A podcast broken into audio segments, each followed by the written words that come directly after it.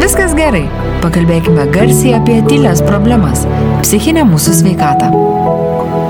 Tai sveiki visi mūsų tyliųjų temų ir tyliųjų pokalbių klausytojai. E, šiandieną vėl nersime į dar vieną tokią tylesnę temą. Ir su jumis kaip visada yra neringa reglė.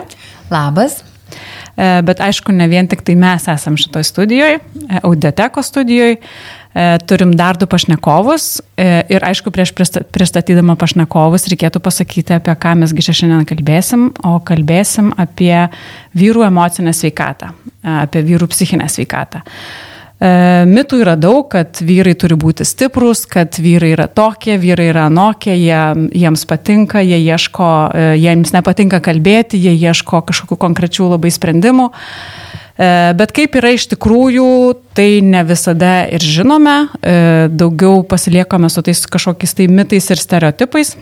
O kaip yra iš tikrųjų, tai pasikvietėm e, kalbėti du vyrus, nes pastebėjom taip pat, kad labai dažnai mūsų temose šitą, mūsų pokalbiuose įvairiuose šitą temą apie vyrų psichinę sveikatą, kaip vyrai reaguoja, jinai vis išnirdavo ir kad mes apie tos vyrus kalbėdom dažniausiai be vyrų. E, tai šiandieną su mumis yra psichologas Antanas Grižas, kuris jau dešimt metų e, dirba e, savižudybių prevencijos temoje ir taip pat su vyrų psichologija.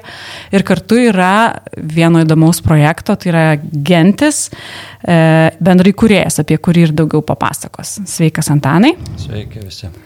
Ir taip pat su mumis yra pašnekovas Henrikas, Labas. kuris pasidalins savo patirtim. Sveiki. Tai gal pradėtume tada nuo Hendriko. Vis dėlto, kaip, kas tavo manimu yra ta didžiausia problema apskritai, kodėl mes šnekam apie vyrus atskirai, apskirai apie temą, nes apie emocinę sveikatą esam kalbėję ne kartą. E, bet tai, kad šnekam apie vyrų emocinę sveikatą, vis tiek kai ką parodo ir kas va iš tavo patirties, kodėl uh, kodėl vyrams yra kažkaip kitaip. Nežinau, ar sunkiau, ar lengviau, bet faktas, kad yra kažkaip kitaip. Taip, kodėl mes šiandien šnekam, matyti dėl to, kad yra poreikis apie tai kalbėtis. Ne? Ir man pačiam, aš iš tikrųjų gal truputį apie tą istoriją, kaip atradau gentis ir kodėl aš atradau gentis, tai iš dalies atsakysiu jūsų klausimą. Porą paskutinių metų, matyti, ir pandemija prisidėjo, šiek tiek kažkaip tai buvo daugiau klausimų iškildavo, negu pats rasdavo atsakymų. Ir patit pradėjau po truputį domėtis uh, psichologija, domėtis, nežinau, savęs pažinimu, supratimu, kodėl vienai per kitaip elgiuosi.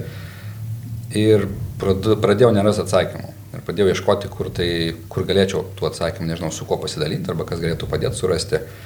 Ir taip pat atradau patį tą genčių projektą. Ir man tai iš tikrųjų buvo matyti tas laikas, kai subrandau, kai tų atsakymų atsirado gal gyvenime, viskas kaip ir susitvarkė, šeima, darbas, viskas kaip ir važiuoja, rutina sukasi, bet kažko atrodo, kad trūksta, ne? arba kažkaip viskas vienodai. Ir per tai, matyt, aš pradėjau kelti tos klausimus ir aš nežinau, aš taip, taip gal neįvardinu tai psichologiniais terminais, kaip tai emocinė sveikata dar kažkas, bet va, toks jausmas buvo, kad, kad kažko trūksta arba kažką galbūt galėčiau daryti geriau, plačiau, giliau, prasmingiau galbūt. Ir va, iš tos pusės pas mane klausimas atėjo, matyt. Ir kai pradėjau dalyvauti genčių projekte, pamačiau, kad aš toks ne vienas iš tikrųjų. Ir tie klausimai labai panašus kyla daugeliu vyrų. O gal tada apie tą patį, Antanai, apie tą, tiek apie tą e, genčių projektą, kur mes čia pradam kalbėti jau apie tą poreikį, bet apskritai, kodėl vyram yra poreikis kažkokio ats, atskiro dėmesio, atskiro prieimo, nesgi galima šiaip nueiti pas psichoterapeutą, pas psichologą ar psichiatrą ir gauti tuos visus atsakymus. Mm. Jo, tai vat, man irgi ilgus metus sukasi panašus klausimai. Ar čia tikrai reikia kažkaip atskirai galvoti ir, ir skirsti čia pagal lytį. Bet aš pats vat, e, dirbu daug metų savižudybių prevencijos rytyje ir teko ir daug bendrauti su bandžiusiais žudyti žmonėms, su nusižudžiusių artimaisiais, dirbtis tokiam strateginiam lygmenį, su įvairios, įvairiom valstybės programom. Tai vienas dalykas, kuris rėžia akį ir nu, labai labai yra akivaizdus, kad didžioji dalis savižudybių yra būtent vyrų ir kad tarp 70-80 procentų visų savižudybių kasmet yra būtent vyrų. Ir tai yra tik lietkalnio viršūnė. Savižudybė yra nu, pats galutinis, jau tas e, liepto galas. Tai iki tol yra daugybė, daugybė įvairiausios kančios, e, kuri dar, dar labiau nematoma yra. Jau apie savižudybės jau kažkiek pradėjom visuomeniai kalbėti, kad tai vyksta ir kad tai, kad tai yra nu, epidemija. Bet vat, kad, kad dar yra vat, po to lietkalnio viršūnė dar daugiau įvairių sunkumų, kurie atveda iki to, tai tą mes dar tik pradedame įsisamoninti. Ir iš tikrųjų ilgus metus, nu, va, aš ir dirbau daug metų ir jaunimo linijos organizacijų arba su, nu, su psichologo komanda ir kolegom vis kalbėdavom, bet vis toks užėdavo toks kažkoks, nu jo, daugiausiai nusižudo vyrų, bet, nu, va, taip ir paguščiam pečiais, nu, vat, ir ką tu čia padarysi, atrodo nu, vat, nesikreipia tie vyrai, arba nėra, tiek, nu, ką čia dabar kiekvienam po psichologą pastatys, irgi nerealu, per brangų. E, brangų specialistas yra psichologas, plus tai yra, nu, stigma, kad ten mhm. nesikreipia. Bet toliau dirbdamas ir, nu, iš tikrųjų ir pats asmeniškai su daug klausimų susidurdamas, nes aš pats vyras, man, man irgi įvairių iššūkių gyvenime pradėjo kilti ir aš ieškau, kaip tą spręsti ir asmeniniai terapija ir visai tai man vis labiau ryškėjo, kad iš tikrųjų, nu, gal mums reikia specifinio formato, kuris būtų priimtinas vyrams. Vietoj to, kad pradėtume sakyti, kad va, vyrai patys kalti, kad nesikreipia pagalbos, o pažiūrėkim, kodėl jie nesikreipia. Gal, gal ta pagalba, kurią mes jiems siūlom, gal jinai netlėpia jų poreikio. Ir panašiai kaip yra vat, kalba, pavyzdžiui, apie specifinę pagalbą paaugliams. Pavyzdžiui, vat, nu, tam tikra pagalba, ar tai būtų socialinės paslaugos ar psichologinės paslaugos, kad jos turi būti vat, teenage friendly. Mhm. Tai, tai nu, pagalvojau, kad turbūt panašiai galim žiūrėti ir pagalbą vyrams, kad yra specifiškos. Ir tada, kai pradėjau gilintis, tai pamačiau, kad tikrai taip ir yra. Ir pavyzdžiui, jeigu aš arba mes su kolegom organizuodam kokį seminarą, Ir jeigu tiesiog organizuodavau seminarą tokia emocinės sveikatos tema, tai susirinkdavo 80 procentų moterų, nu ir vat, arba 90 procentų moterų, nu ir vat, kažkiek ten tų vyrų. Bet jeigu organizuoju seminarą emocinės sveikatos, kur vien vyrams, tai susirenka tie vyrai, viskas gerai. Tai vat, man tai buvo pirmas išvalgos, kad, okei, okay, tai jiems reikia specifinio formato, kuris juos motivuotų ateiti. Ir iš to galiausiai gimė projektas Gentis. Tai yra projektas, kuriame mes realiai mūsų pagrindinė ambicija buvo sukurti tokį savęs pažinimo formatą vyrams, kur ne tik, kad nebūtų gėda eiti ir save gilintis, bet būtų toks pasididžiavimo jausmas, didelis užsidegimas, kad tai aišku, kad aš gentysė, tai aišku, kad aš savim rūpinos ir aš dar džiaugiuosi tuo. Tai va toks buvo tas užsibrieštas tikslas ir man atrodo, kad mes jį pasiekėm. Ir nu, aš labai to didžiuojas ką mes gentysę darom, tai mes būrėm vyrus į tokius e, savęs pažinimo, asmeninio augimo ratus. Jie veikia savipagalbos principu. Ir tas ratas iš pradžių jis yra kūruojamas vedėjo, bet labai greitai jau toliau savarankiškai tie vyrai sustikinėja ir tame rate jie sprendžia įvairius svarbius gyvenimo klausimus.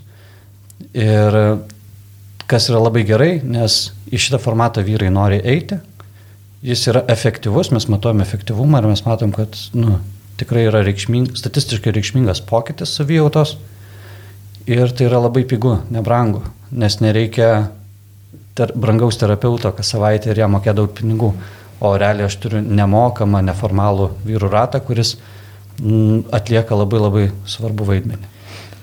Bet aš žiūrint į tuos visus skaičius, tą statistiką, kurią tu paminėjai, tiek kalbant apie savižudybės, tiek netgi apie būtent seminarus, kada susirenka didesnis procentas moterų negu vyrų, tai kur galima ieškoti to šaknų? Ar e, vyrai bijo, kaip dabar turbūt yra ir tie stereotipai būtent tokie, kad vyras, nu, tai jisai yra kas, yra medžiotojas, jisai visą laiką turi, nežinau, išlaikyti šeimą, turi būti stiprus, dar vis galioja tie senieji stereotipai, kad vyrai neverkia, jie bijo parodyti savo silpnumą, dėl to, jie, ta prasme, nes jeigu susirenka, kai yra vyrams seminaras, susirenka vyrai, bet jeigu yra bendras, jų susirenka mažiau. Tai ar galima taip sakyti, kad jie prieš moteris bijo pasirodyti silpnesni, bet tarp savęs jie nebijo to silpnumo atskleisti?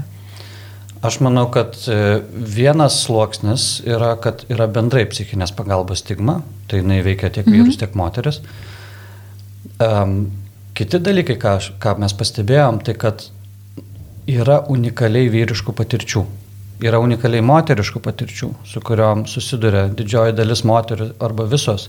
Ir nu, tas pats feminizmas atsirado iš to, kai moteris pradėjo burtis į ratus ir kalbėti apie unikaliai moteriškas patirtis visuomeniai, su kuriuom susiduria.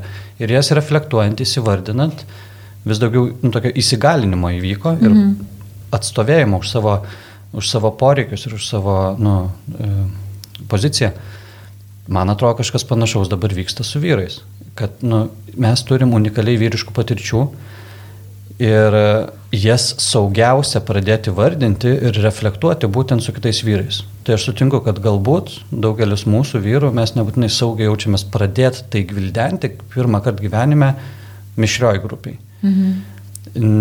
Ir tą saugiau yra daryti, kai mes turim va, tą saugią aplinką kartu su kitais vyrais. Bet yra ir kitų dalykų. Būdami vien vyru toj draugijoje mes gaunam tokią pozityvę vyrišką socializaciją. Mes nejučia, ne, ne vien bendraudami, bet vien matydami viens kitą ir matydami, kaip kitas gyvena, e, kokius jis sprendimus yra priemęs gyvenime, kaip jisai masto, girdėdami jį, mes nejučia, nu, šiek tiek savo randam atsakymų, kaip man būti, ką, ką man reiškia būti, vat, turint vat, vyro lytį, vyro vaidmenį visuomeniai.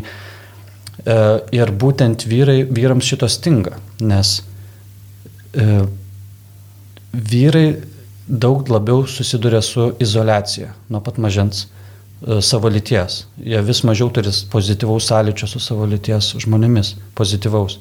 O tai yra vienas iš bazinių psichologinių poreikių - turėti kažkokį tai vat, role model, tokį mm. nu, vat, pavyzdį, į kurį aš galiu lygiuotis. E, nes mes turim labai daug šeimų ir tas skaičius vis auga, augančių be tėvo.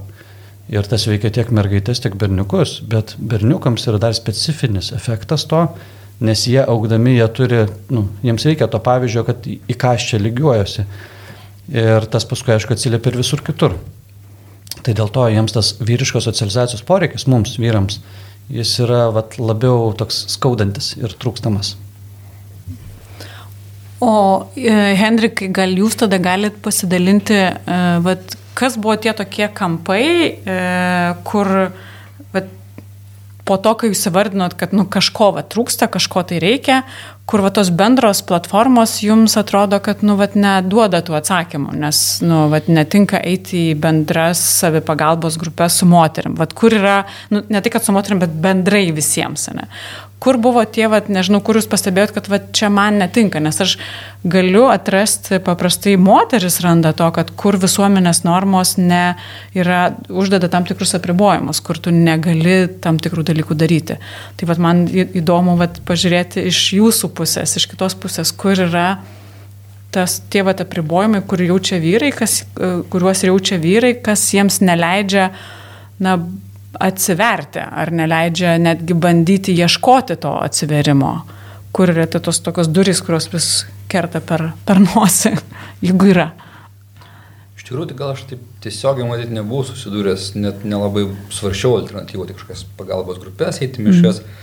Um, teko lankyti šiek tiek pas mm. psichologą, pas psichologę, bet tas man kažkaip vat, ne, nebuvo tai toks formatas, kokio aš norėjau. Prasme, būtent vat, tas mano atveju, tai turint, kaip mūsų devyniese esam gentyje, mhm. dalindamiesi vienas su kitu ir tuo pačiu perimant iš kitų patirtį, ne dėl to, kad jie patarė kažką tau, bet dėl to, kad jie dalinasi savo patirtim ir iš to atsirinkant savo, man tas kažkaip labiau tiko formatas. Mhm. Ir aš dabar net nežinau, matyt, mišrios grupės, tai kažkaip nelabai įsivaizduoju, gal dėl to, kad taip, kaip čia, mm. įsivažiavom su gentim, bet iš kitos mm. pusės, nu, tam tikrus klausimus potyrius diskutuojam, nagrinėjam būtent, nu, kaip Antanas ir minėjo, tokius grinai vyriškus, ne? tą patį bendravimą su kita lytima, ne? Mm. bendravimą šeimoje, bendravimą mm. su vaikais. Ir man bent jau iš mano patirties atrodo, kad moteriškas požiūris nebūtinai toks pats, arba ne, nebūtinai per tą pačią prizmę gautųsi. Tai tos, aš gal viduje matyti, ne, daug taip laisviau uh, vyrų kompanijai savo, mm. tarkim, mintimis pasidalint galiu. Mhm. Bet yra vis tiek kažkokios tai va iš patirties temos, kur atrodo, kad, nu jo, va čia kalbam dėl to, kad esam visi vyrai. Jeigu būtų, na, nežinau, moterų, vaikų, paauglių ar kažko taip nebūtų. Yra kur, kur va kilo kada nors mintis, kad čia kažkaip va dėl to kitaip. Manau, kad Taip, pavyzdžiui, su, apie ryšį su tėvu, apie ryšį su sunum, atgrinda tą tėv, vyrišką, tėvišką ryšį su sunum, ypač pakankamai kelis kartus giliai nagrinėjom. Tai taip atrodo, nu, kad su moterimi matyt net nesugalvočiau tokios, nes su žmona mes irgi daug bendraujam ir atvirai, bet va tokiu tam tikrų pjūvių, ne, tai matyt, kad tiesiog net nesugalvočiau, kad uh, diskutuot. Galų gale vėlgi man įdomu, kaip kiti vyrai savo sunumis va, būtent bendrauja, ne? kaip jie va tą vyriškumą skatina. Tai matyt vėlgi tada tik labiau iš vyrų aš to tikiuosi, matyt, kad išgirsti, kaip kitiem vyram atrodo. Taip pat kaip vyrai bendrauja su savo tėvais, ne, va, tas ryšys su tėvu, būtent vyriškas ryšys, matyt, tokie, va, nu, pagrindinės gal temos. Mhm. O Antanai, pas mus, nu, mes žinom tam tikrus tokius jau nuriebius jau tokius stereotipus, nu, kad vyrai neverkia, kad vyras turi būti stiprus, kad turi ten atnešti uh, šitą, uh, nežinau, atli, uždirbti pinigus. Nu, tokie, tokie jau, kurie manau, kad jau ir vis tiek mažėja mūsų visuomeniai. Aš bent jau norėčiau tikėti, kad jie mažėja. Bet kur ir tas paveikslas tikriausiai yra nu, platesnis, Vat iš, iš tavo profesinės patirties, kur yra tie tokie vat, įsitikinimai, mitai, stereotipai, kurie dažniausiai trukdo vyram, e, trukdo vyram, taškas, gyventi. Tie inkarai tokie, turbūt, kurie laiko. Nes žinome tokius klišinius labiau, kuriuos, mm. kuriuos atpaminėjo, bet gal yra po to lietkalnibiškai truputį, atsiprašau, daugiau. Jo, dabar va toks pirmas, kurį sugalvoju, tai yra tas, kad reikia iš vis nekalbėti vyram. Jo, kad vyras turėtų nekalbėti apie savo sunkumus. Vyras nekalba, vyras daro. Jo. Mhm. Tai e, iš dalies šitas požiūris jisai nu, riboja, nes tada vat, atrodo, tai ką aš ten eisiu ir kalbėsiu. Jo. E, bet Tai vad iš tikrųjų, ką, ką atranda vyrai gentyje, kurie galbūt anksčiau neturėjo jokios panašios patirties, tai kad eiktų savo, aš atsivėriau apie dalyką, kurio niekam nebuvau sakęs. Ir kaip gerai. Mhm. Ir pasirodo, kad aš ne vienas, mhm. pasirodo, kad mūsų daug ir tas bendrumas labai greit užplūsta, kuris labai malonus ir labai praturtinantis, nes tada yra ilgai nesiranda toks saugus užnugaris. Ir tada vyrai dalinasi, kad paskui jau nu, gentis susitinka kartą arba du kartus į savaitę Tai būna paskui dalinasi, kad, nu va, kad ir kas vyksta per tą savaitę mano gyvenime arba per tas dvi savaitės, aš vis prisimenu, kad yra mano gentis ir aš pas ją grįšiu. Ir tas atsiranda būtent iš to dalinimos, iš atsiverimo ir kalbėjimo. Bendrumo jausmas. Jo, jo, tai, vat, tai tikrai galima sakyti, kad tas, vat, kad neturėčiau kalbėti, e, tas riboja. Tai va, o iš kitos pusės, iš tikrųjų, su kuo mes susidurėm vis labiau, nes vat, ir, ypač kai šitas projektas auga ir daugiau žmonių jį pamato, ir tai va, šiaip, nu, absoliučiai didžioji žmonių, tiek vyrų, tiek moterių labai palaiko, nes man, ir man atrodo, dėl ko palaiko, tai dėl to, kad visi mes turim skaudžių patirčių su vyrais, savo giminėjai, savo šeimoje. Nu, turbūt bet kas iš mūsų, va, ir klausytojų, iš karto sutiktų, kad jeigu ir yra probleminių žmonių pas jūs giminiai, tai greičiausiai tai yra vyrai. Ar tai būtų berniukai, ar tai dėdės, ar seneliai kokie. Daugiausia, dažniausiai tai yra, nu, tai yra kažkokių skaudulių, bėdų, ar alkoholizmas, ar savižudybės, mhm. ar, ar šiaip už, uždarumas, nu, dažniausiai tai yra vyrai. Tai dėl to, dėl to turim daug palaikymo e, tokiai iniciatyvai, nes visi suprantam, kad to reikia. Bet dažniausiai iš tikrųjų, vat, koks dabar mes susidurim toks priešingas stereotipas, kad o tai kodėl tik vyrai? O tai čia nėra seksizmas, pavyzdžiui, arba toks įtvirtinimas stereotipų dar labiau. Ir čia iš tikrųjų dvigubi standartai, nes kai mes kalbame, pavyzdžiui, kad e, tenais yra įvairių e, iniciatyvų moteriams, ten visokios konferencijos, go forward, visokie mm. bėgimai moterų ir taip toliau. Ir čia viskas tvarkoja, mes tą palaikom ir labai gerai, kad tą palaikom. Bet panašiai reikia kartais ir, ir į vyrus atsižvelgti, kad nu, mes irgi, tu, nu, mums reikia to palaikymo, mums reikia palaikymo to mūsų bendruomeniškumui. Tai, va, tai su to kartais susidurėm, kad tas riboja iš visuomenės. O yra kažkokie tai, e, nežinau, tradic, netradiciniai labiau e, vyriški būdai tvarkyti su e, e psichologiniam problemom nei, nežinau, moteriškai. Šito vietoje čia kažkokių skirtumų yra? E, kaip vyrai bėga nuo problemų arba kaip su jomis tvarkosi?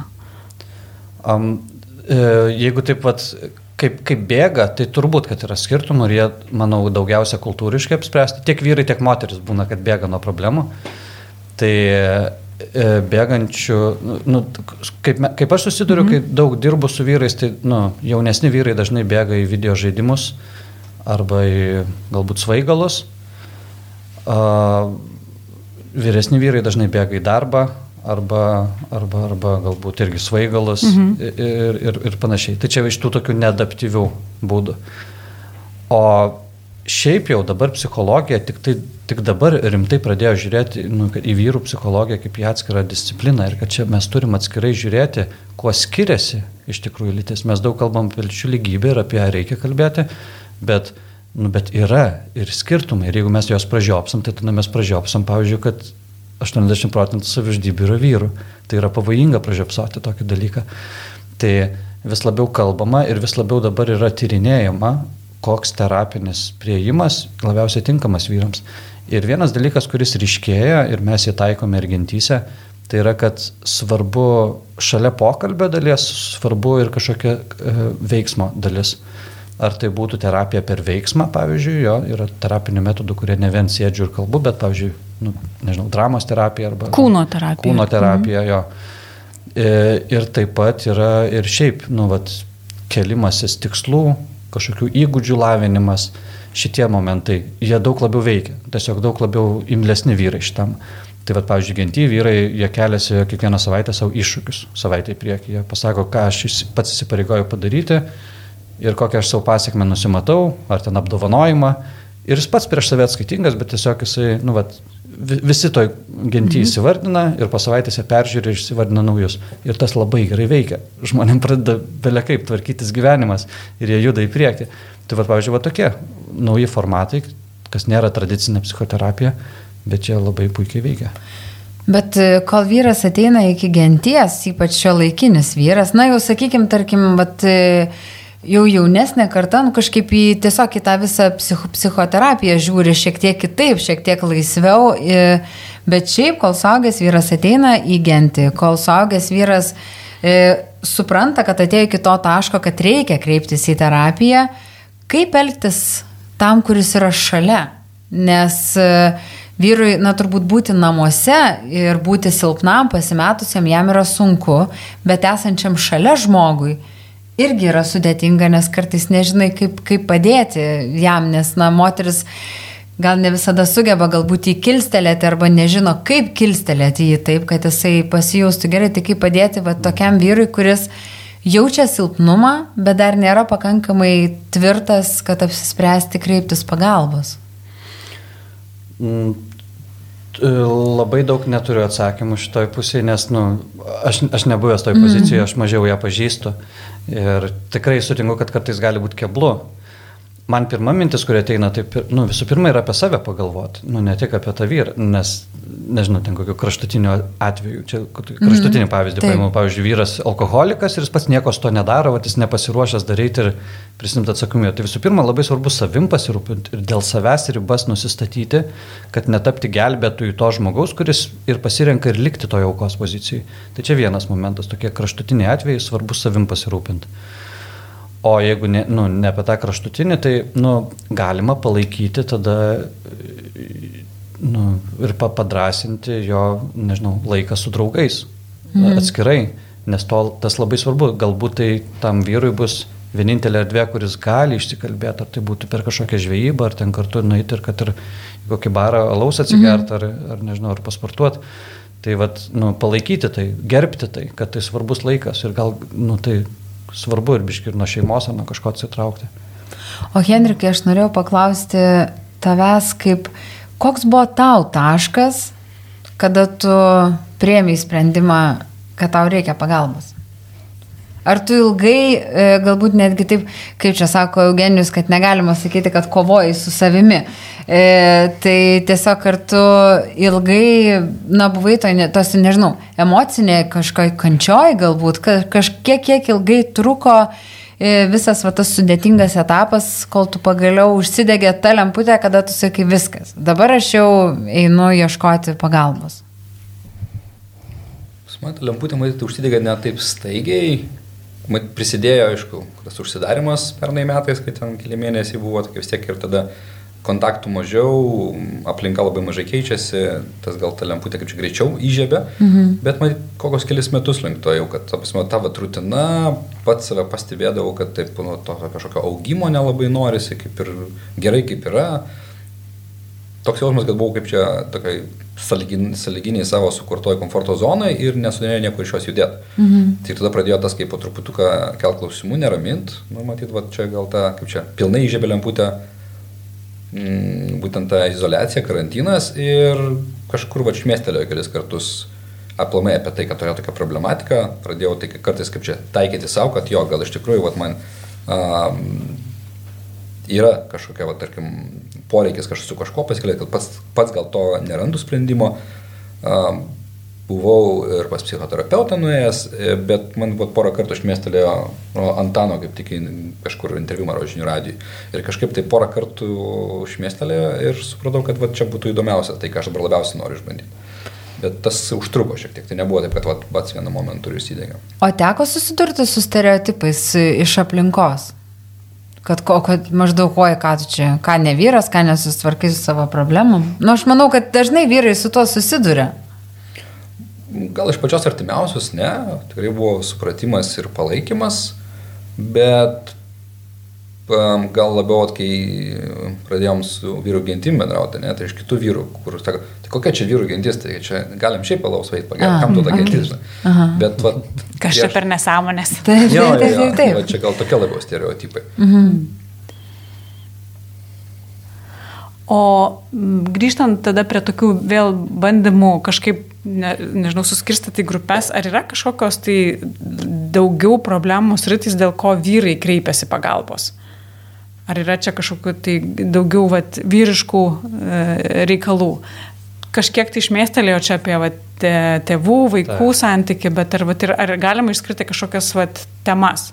Mhm. Jo, yra tos temas, e, tai vat, viena iš jų yra santykis su tėvu. E, ir, ir čia tikrai labai reikšmingai kokybė pakyla gyvenime vyro paprastai, vat, kiek tenka stebėti, kai jisai prasprendžia santykio su tėvo klausimus. O ką reiškia prasprendžia? Čia.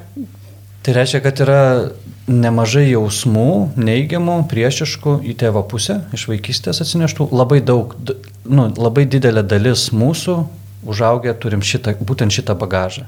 Dėl to, kad didelė dalis mūsų tėčių, jie patys, nu, jau, jau buvo pasimetę, jau patys buvo per mažai turėję tėvo, ir, ir, ir, ir patys su įvairiais iššūkiais susidūrė ir jiem per, nu, per, per mažai turėjo galimybių sukurti gerą ryšį su mumis ir duoti tai, ką galėjo duoti. Tai, vat, tai praspręsti tą santykį reiškia nu, suprasti geriau tėčio poziciją, atleisti galbūt arba išpykti, kažkokį tai rasti vat, nu, tokį vat, nu, susitaikymą.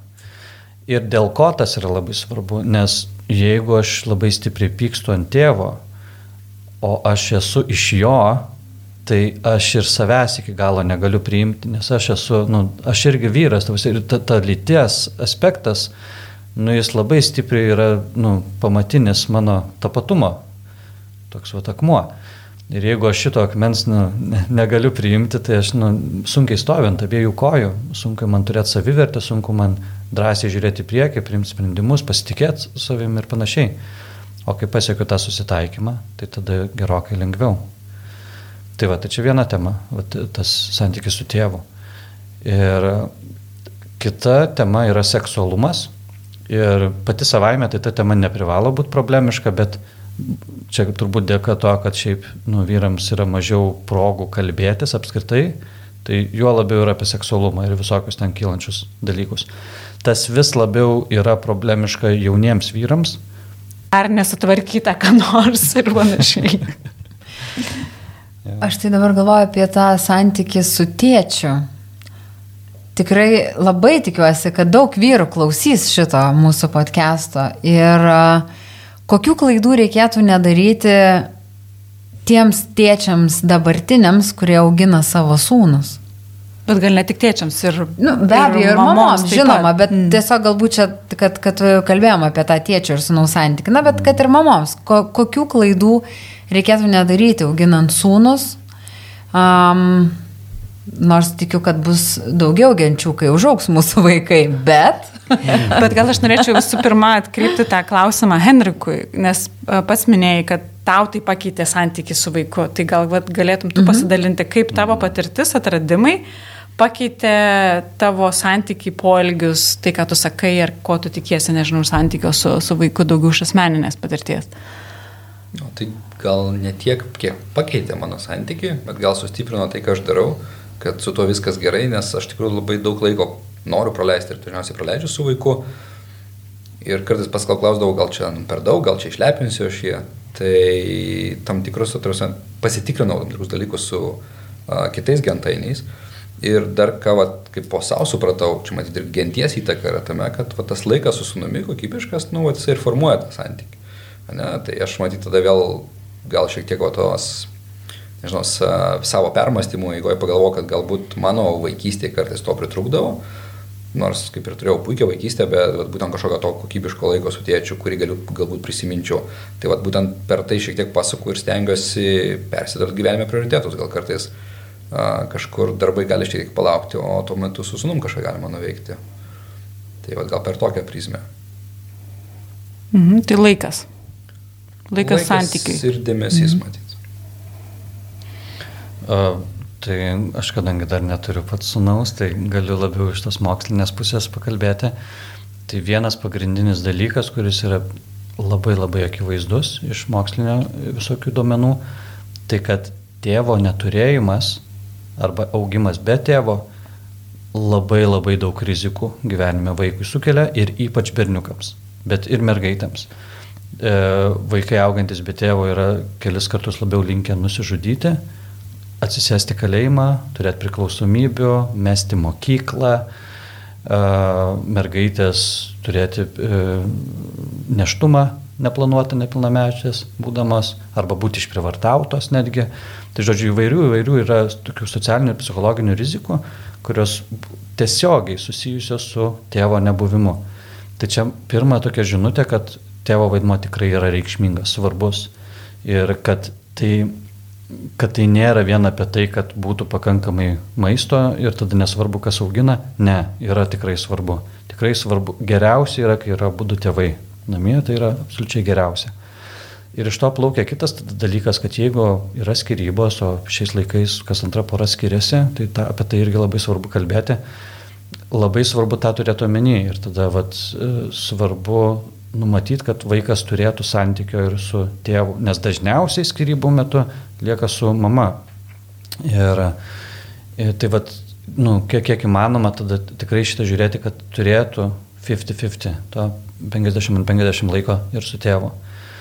E, ir kitas tada dalykas, irgi, nu, jeigu taip darbiškai apsistojant prie skirybų, tai labai labai svarbus momentas yra nekalbėti blogai ir kritiškai apie va, tą buvusi partnerį vaikui. Tai tas galioja tiek mamai, tiek tėčiui. Mhm. Čia jau netiek svarbu lytis, bet tiesiog kadangi dauguma vaikų po skirybų auga su mama ir tada iš mamos girdi tą neigiamą žinutę apie tėtį, tai dėl to daugelis mes augam su labai priešišku požiūriu apskritai į vyrus ir į virškumą. Ir tas ypač atsiliepia neigiamai berniukams, nes jie iš to formuoja savo tapatumą. Jiems tada dar sunkiau adaptuotis paskui gyvenime. Tai čia pagrindinė taisyklė, kad, nu, vat, vengti šito, nekalbėti neigiamai, jau geriau tada iš vis nekalbėti mm -hmm. ir leisti pačiam vaikui per tą santykį susidaryti tą vaizdą, nes kitų atveju mes labai vaiką pastatom į labai negerą poziciją, kai jis priverstas rinktis Kuris kažkurį vieną iš tų tėvų mhm. ir nors jam abu jie yra svarbus, ryšys su abiejais svarbus, bet jisai pradėjo jaust kaltę, jeigu jisai nori ryšio su vienu arba myli vieną, bet vat, tas kitas apie jį kalba blogai, tai gal kalt, nu, blogai, mhm. kad aš jį myliu. Tai va, nu, čia, čia, čia labai svarbus momentas. Ir jeigu taip konkrečiau, ką tėtis gali duoti e, vaikui, tai vienas pagrindinių dalykų, va irgi, ką kalba va, vyrų sveikatos tyrinėtojai, tai va būtent savidisciplina. Nu, vat, kažkaip tai, vat, ar čia yra kultūrinis dalykas, ar čia įgimtas, aš nežinau, bet vat, vyrai daug labiau turi polinkį į tokią tvarką ir, savi, ir discipliną ir jos tokį, nu, vat, išlaikymą ir taikymą pasiekmių ir tai yra labai labai labai svarbus auklėjimo įrankis. Tai nėra vien blogas dalykas griežtumas ar auklėjimas, tai yra be galo svarbus paskui įgūdis gyvenime, kuris labai praverčia būt, ir padeda būti sėkmingam. Ir tai va čia nu, labai svarbus vaidmuo tėvo. Ir šalia to, aišku, svarbu ir duoti išsikalbėti vaikui, turėti šiaip šiltą ryšį, turėti kažkokio nu, smagaus laiko kartu. E, tėčio vaidmuo, vad, kur dar atsiskleidžia ir va, tyrimai rodo labai įdomus duomenys, kad nu, tėčiai linkia, kai, kai žaidžia su vaiku, jie linkia turėti tą tokį angliškai rough play. Nu, tokį, vad, pasigrumtynės mhm. visokias, ar ten lenktynės, ar ten pamėtymą, ar kažką, kur galiausiai kažkas susižeidžia. Mhm. Bet iš tikrųjų, ką rekomenduoja, bet kai kurie vyriškumo tyrinėtojai, kad nieko baisaus, kad susižeidžia. Dažniausiai per tai ateina labai labai daug reikalingų pamokų, nes tokiu būdu vaikai viena vertus jie mokosi savo ribas pajausti, kiek aš galiu, kiek jau nebegaliu, jie mokosi empatijos, nes vat, darėm, darėm, buvo smagu, smagu ir staiga nebesmagu, op ir sustojom. Čia empatija ir čia mhm. vat, labai svarbus ribų pajautimas ir kad be galo daug labai svarbių socialinių įgūdžių formuojasi per va tokį būtent žaidimą su tėčiu. Tai vad, ne, nežinau, e, čia vad klausiau vieno podcast'o, vat, kur amerikiečiai kalbėjo apie tai, tai ten vat, dalinasi, kad, nu, kad vat, mamos kartais neleidžia tėčiams va šitaip žaisti su vaikais. nu, ir, vat, nesaugo vaikų. Jo, ir saugo, sako, kur čia va jūs ne, negalima čia. Bet va iš tikrųjų tame ir tyrimai rodo, tame yra labai daug vertės. Ir dabar va tik tai tą atrandam. O tai mes čia dabar palėtėm santyki šeimoje, ne ką galėtume daryti, kad tos ateities uh, vyrai turėtų mažiau uh, problemų. O ką mes kaip visuomenė galėtume padėti arba kaip elgtis kitaip ar žiūrėti į, į vienas kitą, į vyrus kitaip, kad ta aplinka būtų palankesnė.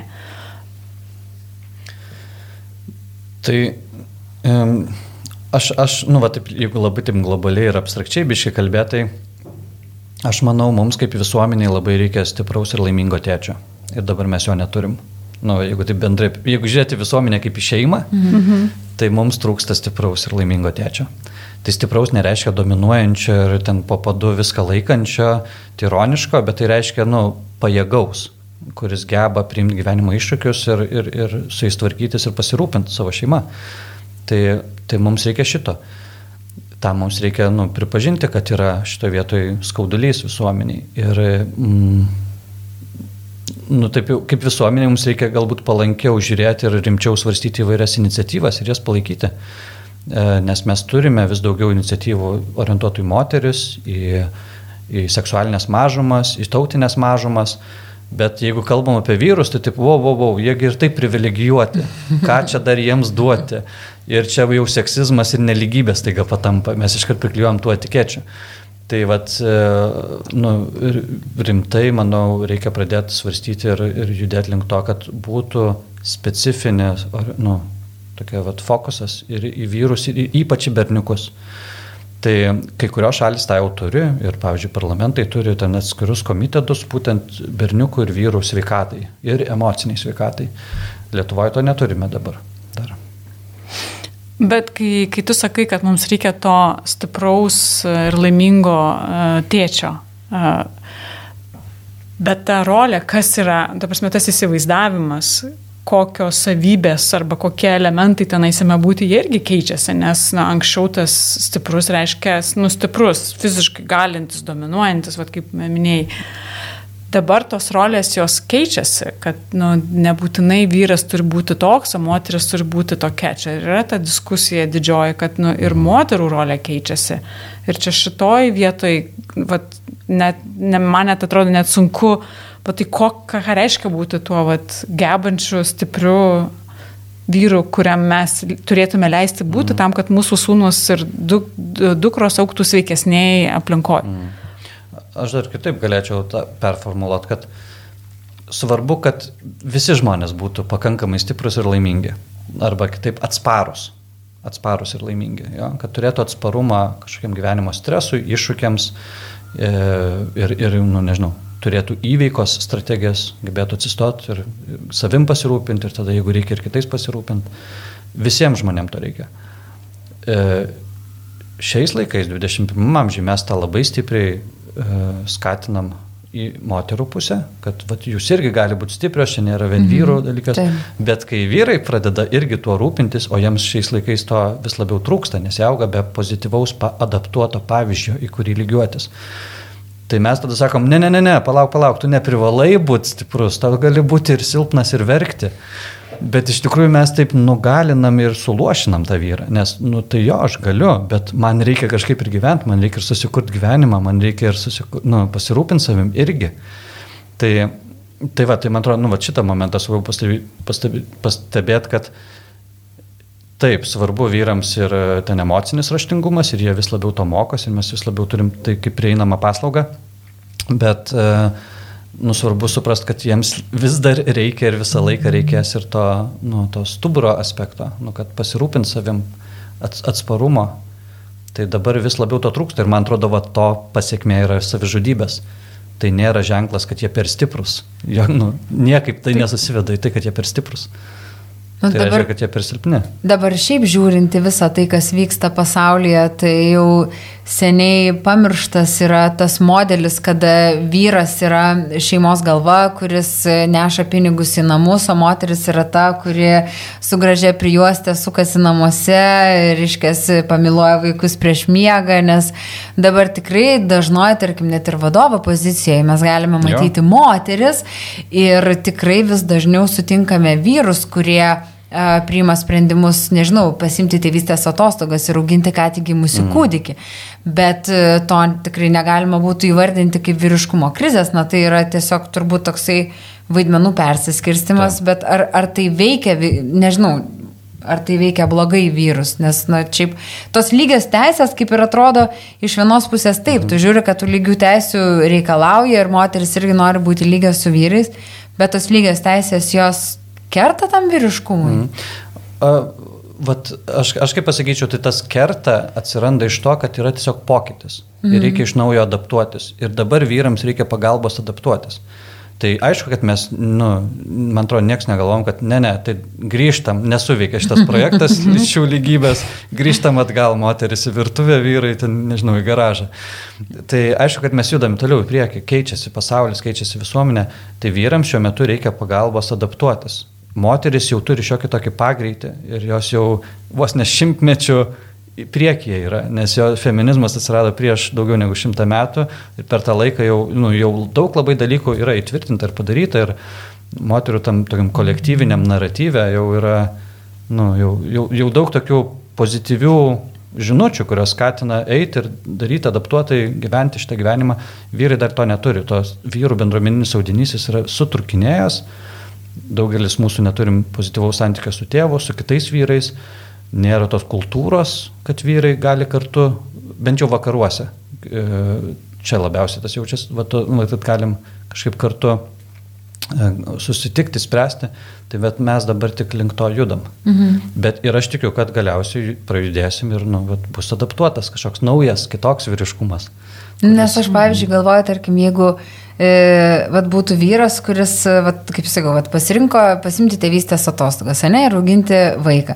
Ir vat, stovėtų burys moterų, vertintų jį ir vyrai. Tai man atrodo, kad moterų didžioji dauguma sakytų, o kaip fainai, vat, koks tu vyriškas iš tikrųjų, kad, vat, e, nes gali būti ir jautrus, ir gali ten tą leliuką reiškia auginti viską. Bet man atrodo, kad iš vyrų pusės dar susilauktų turbūt labiau tokio neigiamo, neigiamos reakcijos. Bet gal čia mūsų stereotipas? Gal, nežinau. gal, aš nežinau, aš tik tai taip keliu tokį. Mm. Jo, nu, aš, aš manau, įsivaizduoju, kad tikrai būtų vyrų, kurie pašieptų, mm. būtų vyrų, kurie pavydėtų. Tai, va, ja, labai įvairiai. O, tai ar sunku būti silpna? Arba kodėl, būti sunku, kodėl yra sunku būti silpna? Čia man labai sunku suabsoliutinti, ne? Niekada nebūnam visą laiką stiprus arba visą laiką silpni, mm. bet aš tai va, taip gal labiau akcentą pats savo bandau bent jau uždėti, kad nu, būna tų momentų, kai jaučiuosi silpnesnis, silpnas kažko neperlipu per kažką.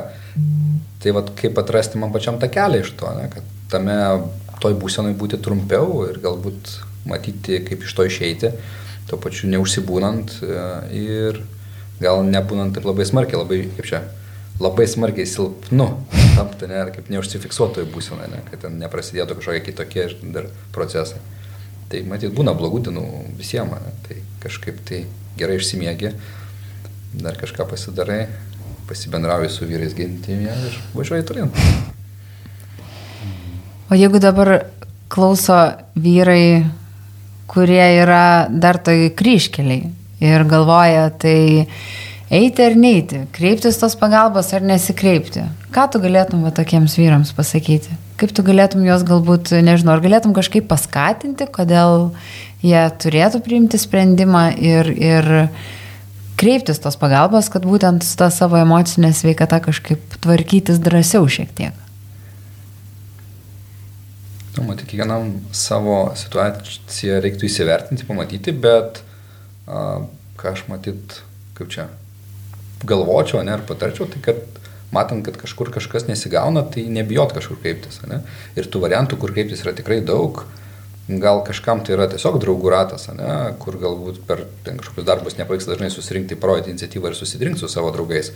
Gal kažkam kitam tai bus susimatyti su klasės mokyklos draugais, kur dešimt metų nesimatė, su kuriais tuo metu buvo labai artimas ryšys. Bet t, iš mano patirties, vat, tą ryšį užsimesgus, ne, vat, tokį kažkokią tai um, vyrišką, nu tai yra paprasčiau. Man bent jau asmeniškai, kalbant, ne, dėstant kažkokią tai dalyką, problemą, abejonę kitiem vyram, net kartais buvo nesulaukus to kažkokio palaikymo iš uh, vyrų, pačia mintis susidėlioja, ne? kai vat, garsiai vardinu kažką, tai sprendimas jisai kažkaip, nu, lengviau pasirodo. Tai kaip čia, svarbu pastebėti, kad kažkur jau taip pat kaip čia ratai ant smėlė sukasi tuščiai ir tada kažkur vat, pasižiūrėti, kas galėtų man pagelbėti truputį išvažiuoti iš čia. Mhm. Aš tai dar, nu, vat, atkreipsiu dėmesį tą žodį pagalba, vat, kreiptis pagalbos. Tai iš tikrųjų, vat, kai pradėjom dirbti su vyrais ir ieškojom to formato, tai ką mes labai greit pamatėm, kad šitas žodis ne visą laiką yra tikslus. Mhm. Mes pripratę taip kalbėti, bet vis labiau atrandam, kad panašu, kad tai yra vienas, viena iš priežasčių, dėl ko vyrai tada ir nebesikreipia. Nes tu esi silpnas, jeigu jo, ir, pagalbos. ir va ta pagalba, tai va aš esu kažkas, kas, kas, kažkas mane gelbė. Nu, mes Aha. automatiškai statom į tokią poziciją žmogų. Ir vat, e, linko mes vis labiau judam ir, pavyzdžiui, genčių viena iš pagrindinių žinučių tai yra ateik ir pasirūpink savim. Mhm. Ir visai kitaip skamba. Tai įgalina ir tada Taip. norisi tą daryti. Ir ateik ir pasimk daugiau iš to gyvenimo. Ateik ir nu, susikurk tą gyvenimą, kokią nori. Tai yra tokia, nu, vat, pajėgi pozicija ir jinai motivuojanti, įkvepinti. Ir man atrodo, čia apskritai kalbant apie, psichologiją, nes, neskirstant vyrai, moteris, nu, to galėtų būti daugiau ta prasme, pagalba taip gerai, bet nu, visi mes norim aukti kaip asmenybės, stiprėti, būti atsparus ir pasiekti savo svajonės, išsiaiškinti kokios tos svajonės, gyventi tos, nežinau, fainus gyvenimus, darinius gyvenimus. Tai vad, nu, vat, atrodo, daugiau reikia to kalbėjimo apie pozityvę psichologiją, ne vien apie tą negatyvę deficito, tokio, kad kažko trūksta, reikia čia padėti. Mhm. Labai jo. Tai aš manau, kad Antanas labai gražiai atvedė ir pasakė labai gražią pabaigą mūsų mm -hmm. pokalbiui. Tai kviečiam visus vyrus ne pagalbos, savim. bet pasirūpinti Taip. savim. Ir, ir moteriams tai galima pasakyti, kad jeigu vyrai nori važiuoti žvejoti su draugais ar išeiti pasibūti, tai reikia juos išleisti. Arba padovanokit jam narystę gentyse. Va, super. Ačiū Jums labai. Tikrai ačiū. labai įdomus Va, pokalbis ačiū. buvo. Ačiū Henrikai, ačiū tau, Antanai. Ačiū. Ai, viskas gerai. Pakalbėkime garsiai apie tylės problemas - psichinę mūsų sveikatą.